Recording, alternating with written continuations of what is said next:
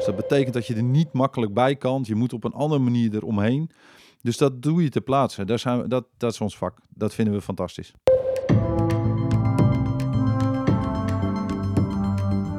De energietransitie is de grootste uitdaging van onze tijd. We moeten minder verbruiken, energie moet groen zijn en het systeem eromheen moet slim zijn. Jacco Saman denkt daarover na met zijn afdeling Business Development, Sales and Innovation. Jacco, de uitdagingen, de grote uitdagingen, nummer drie. Grondstofreductie is een enorme uitdaging. Het verminderen en uh, beperken van de energieverbruik is een, uh, is een tweede. Met de, met de groeiende vraag toch nog steeds op een goede manier het energie reduceren. Daarnaast hebben we te maken met een enorme inhaalslag op digitalisering. Omdat de arbeidskrapte toeneemt, moet je dus meer gaan meten. Meer data gaan verzamelen betekent dat je effectievere processen en procedures kunt maken die uiteindelijk bijdragen in de samenwerking. Oké, okay, grondstoffen reduceren. Oké, gewoon minder energie Gewoon. gebruiken. Zo simpel is het. Nou, nou, kijk, door de groeiende vraag van de energie moet je dus meer bekabeling aanleggen. Meer bekabeling betekent meer koper in de grond, meer aluminium in de grond. Dat zijn grondstoffen die zijn schaars. Dat kun je eigenlijk niet voorstellen hoeveel grondstof je nodig zou hebben om de hele energietransitie binnen Nederland uit te rollen. Dus dan zul je op een andere manier, slimmere manier, de netten moeten configureren. In plaats van in de grond koper leggen, zul je dus moeten kijken waar je lokaal opwekt, waar je ook lokaal kan verbruiken die energiestromen. En of dat dan gaat over elektriciteit of warmte, dat maakt niet zo heel veel uit. Uiteindelijk heb je ook ringleidingen nodig voor de warmte. Nou, als je dat kan reduceren tot kleinere ringleidingen, heb je minder staal nodig. Dus per saldo is het van tevoren slim nadenken over wat ga ik opwekken, wat ga ik verbruiken op verschillende locaties een enorme uitdaging. Oké, en, en, maar wat, en wat voor dingen bedenk je dan?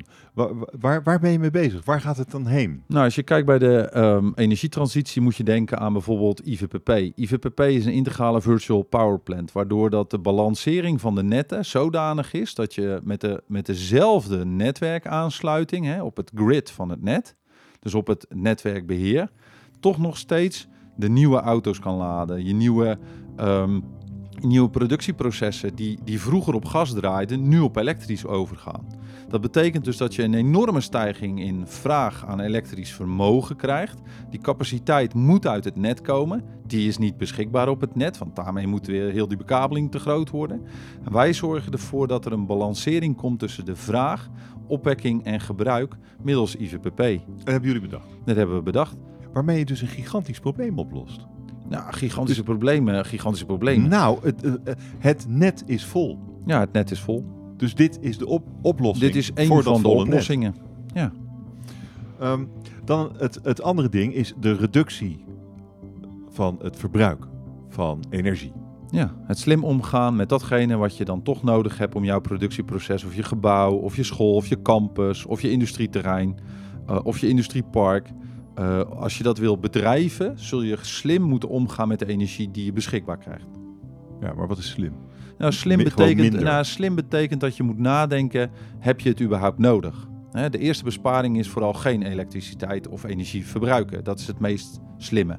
Nou, dat zal in 9 van de 10 gevallen niet een oplossing zijn. Dus zul je in het primaire productieproces moeten gaan kijken: kan ik mijn gebouw op een andere manier verslimmen? Kan ik mijn smart city op een andere manier verslimmen? Kan ik mijn industrie op een andere manier verslimmen, waardoor ik minder elektriciteit nodig heb? En als ik dan elektriciteit nodig heb, dat ik zeker weet dat ik het nodig heb. Maar aan de andere kant, waar we naartoe gaan, is juist veel meer behoefte aan elektriciteit. Er komen veel meer elektrische auto's. Productieprocessen zullen geëlektrificeerd worden. Onze verwarming in woningen zal geëlektrificeerd worden. Dus eigenlijk wordt de vraag alleen maar groter. De vraag wordt alleen maar groter. En dat, en, en dat net en toch, wordt en dat net wordt niet heel snel beter. Nee. En die ringleidingen eh, waar we het net die over worden niet dikker. Die worden ook niet dikker. Dus hier zit een krankzinnige uitdaging. Ja, er zit een uitdaging voor ons als bedrijf om uh, binnen dat speelveld, hè, netbeheerder, vraag en aanbod en een klant, eindklant, eh, waarbij ook een netbeheerder hoort, maar die afstemming tussen het verbruik en de opwekking te stabiliseren. En dat kan middels IVPP, waarbij dat dus de balancering plaatsvindt tussen de verschillende vraag- en aanbodkanten, middels een batterij of middels een waterstofplant. Ja, maar ik, ik wil mijn auto thuis opladen. Ja, dat kan. En dat wil de buurman ook. Ja, dat kan. Maar heb jij dan nu ook een benzinepomp in je voortuin? Nee, dat is Nee, waarom heb ook je- wel een goed idee. Waarom heb je dat dan eigenlijk nu niet? Ja, nee, dat- omdat, dat- omdat, die- omdat dat natuurlijk veel makkelijker is. Nou, wat, wat bedoel je met makkelijker? Makkelijker. Een- ik ben binnen vijf minuten klaar aan de benzinepomp. Nou ja, en als je nou, duurt en, wat en langer. stel dat je, nou, dat zeg je nu, maar dat is een innovatief proces-. Op het moment dat jij ook binnen vijf minuten aan de pomp zou zijn opgeladen, zou je het dan wel doen. Ja. Ja, nou zie je wel. Maar dat kan niet. ja, dat kan al wel, dat kan. Waarom kan ik het dan niet doen? Nee, dan zul je dus een andere auto moeten kopen. Nee, die zijn, er zijn geen auto's die in vijf minuten... Er zijn, er zijn al auto's die op 800 volt geladen kunnen worden, waardoor dat je de- wel degelijk die 300 kilowatt erin kan pompen in een hele snelle, snellere manier dan dat jij nu gewend bent. Welke auto dan? En eh, een Hyundai Ioniq. Oké, Dus, en dan de 6, 7, die komen eraan. Waardoor dat in je vijf dus, minuten. nou, Alleen, dan kan je dus veel sneller laden. ja, maar is, er, is er dan al een laadpunt waar dat kan? Nou ja, kijk, dat is dan de discussie. Maar, maar heel veel mensen zijn nu bezig om e-mobility bij hunzelf in de straat uit te rollen. Hè? Je, wil, je koopt een elektrische auto, je, je wil eigenlijk een elektrische auto, Ja. want ja, da- daarmee draag je bij aan het verduurzamen. Ja. Maar dat betekent voor het elektriciteitsgrid een enorme ellende, omdat dan iedere woning eigenlijk voorzien zou moeten worden van een elektrische laadpaal. Ja, dat gaat hem natuurlijk niet worden. Nee, maar in de huidige omstandigheden is dat wel het comfort wat je zoekt. Nou, het comfort is die vijf minuten. Ja, ja maar die zijn er dus nog. Ja, die zijn er wel, alleen die moeten uitgerold worden. Dus als we nou de focus zouden aanbrengen op niet alleen die AC-laders bij jou bij de voordeur uit te rollen, maar ook die laadpleinen te voorzien van bijvoorbeeld bij de Jumbo, bijvoorbeeld bij de Karwei, bijvoorbeeld bij de Praxis, bijvoorbeeld bij grotere Ja. pleinen waar parkeerruimte is, dat je daar naartoe rijdt, dat je even je auto kan neerzetten, vijf tot tien minuten hoog, hoog vermogen laden en daarna gewoon je boodschapjes gedaan hebt en die auto weer mee Ja, terugnemen. dat wil ik. Da- nou, maar dan heb jij thuis geen laadpaal nodig. Nee, maar dat maak, zou maak een enorme. Nou ja, dat, dat maken wij. maar, dat Maar- is, maar dat is een samenwerking tussen zowel de netbeheerder, de, de, de gemeentes, de omgevingen waarbij dat, eh, dat parkeerterrein ter beschikking komt aan het tankstation. Het is een samenwerking, het is een ecosysteem. Ja, een ecosysteem. Wat op dit moment dus no- nog niet optimaal presteert. Nou, niet overal. Nee, nou, overal niet. Nou, ik denk dat het ook te maken heeft met het beschikbaar hebben van het juiste vermogen bij dat parkeerterrein. Exact. Eh, waar, goed, maar dit, dit is slim nadenken over Ja, energietransitie. dat is het. Eh, waterstof. Waterstof. Waterstof is, nou, waterstof is volgens veel mensen de grote redder van onze energietransitie. Nou, waterstof is een, ehm, zijn twee moleculen. Dus die waterstofmoleculen die dragen zeker bij aan de energietransitie. maar, maar het is maar de vraag of dat, dat de holy grail is. Als je waterstof opwekt, kost dat energie. Ja, Ook al is- moet groene energie Maar, maar groene energie wil je toch gebruiken direct in het elektriciteitsnet. Dan Nou, wil je dan tenzij, toch tenzij je het die- over is. Ja, als het over is, Ja. als het heel hard waait op Maar zee, dan dan, heb je te veel gebouwd. nou ja, niet vooral wanneer het minder hard waait. Nou ja, maar dan heb je de verkeerde duurzame installaties aangelegd. Nee, dan heb je waterstof. Ja, maar dan heb je waterstof gemaakt. Maar waterstof, je maakt van die groene elektriciteit maak je waterstof. Ja. ja, dat kun je gebruiken. Dat kan je in. ehm, kijk, wat je ziet gebeuren je in de, water, in, nou, in de waterstofmarkt, eh, voorzie ik. Maar oké, ik heb natuurlijk niet eh, alles eh, overzichtelijk. Maar wat ik zie is dat het laden van een vrachtwagen, het laden van een bus. op gewone elektriciteit in batterijen is bijna niet te doen. Die, die, die transportgewichten die je daar moet verplaatsen met batterijen kosten zoveel energie dat je heel snel heel leeg bent.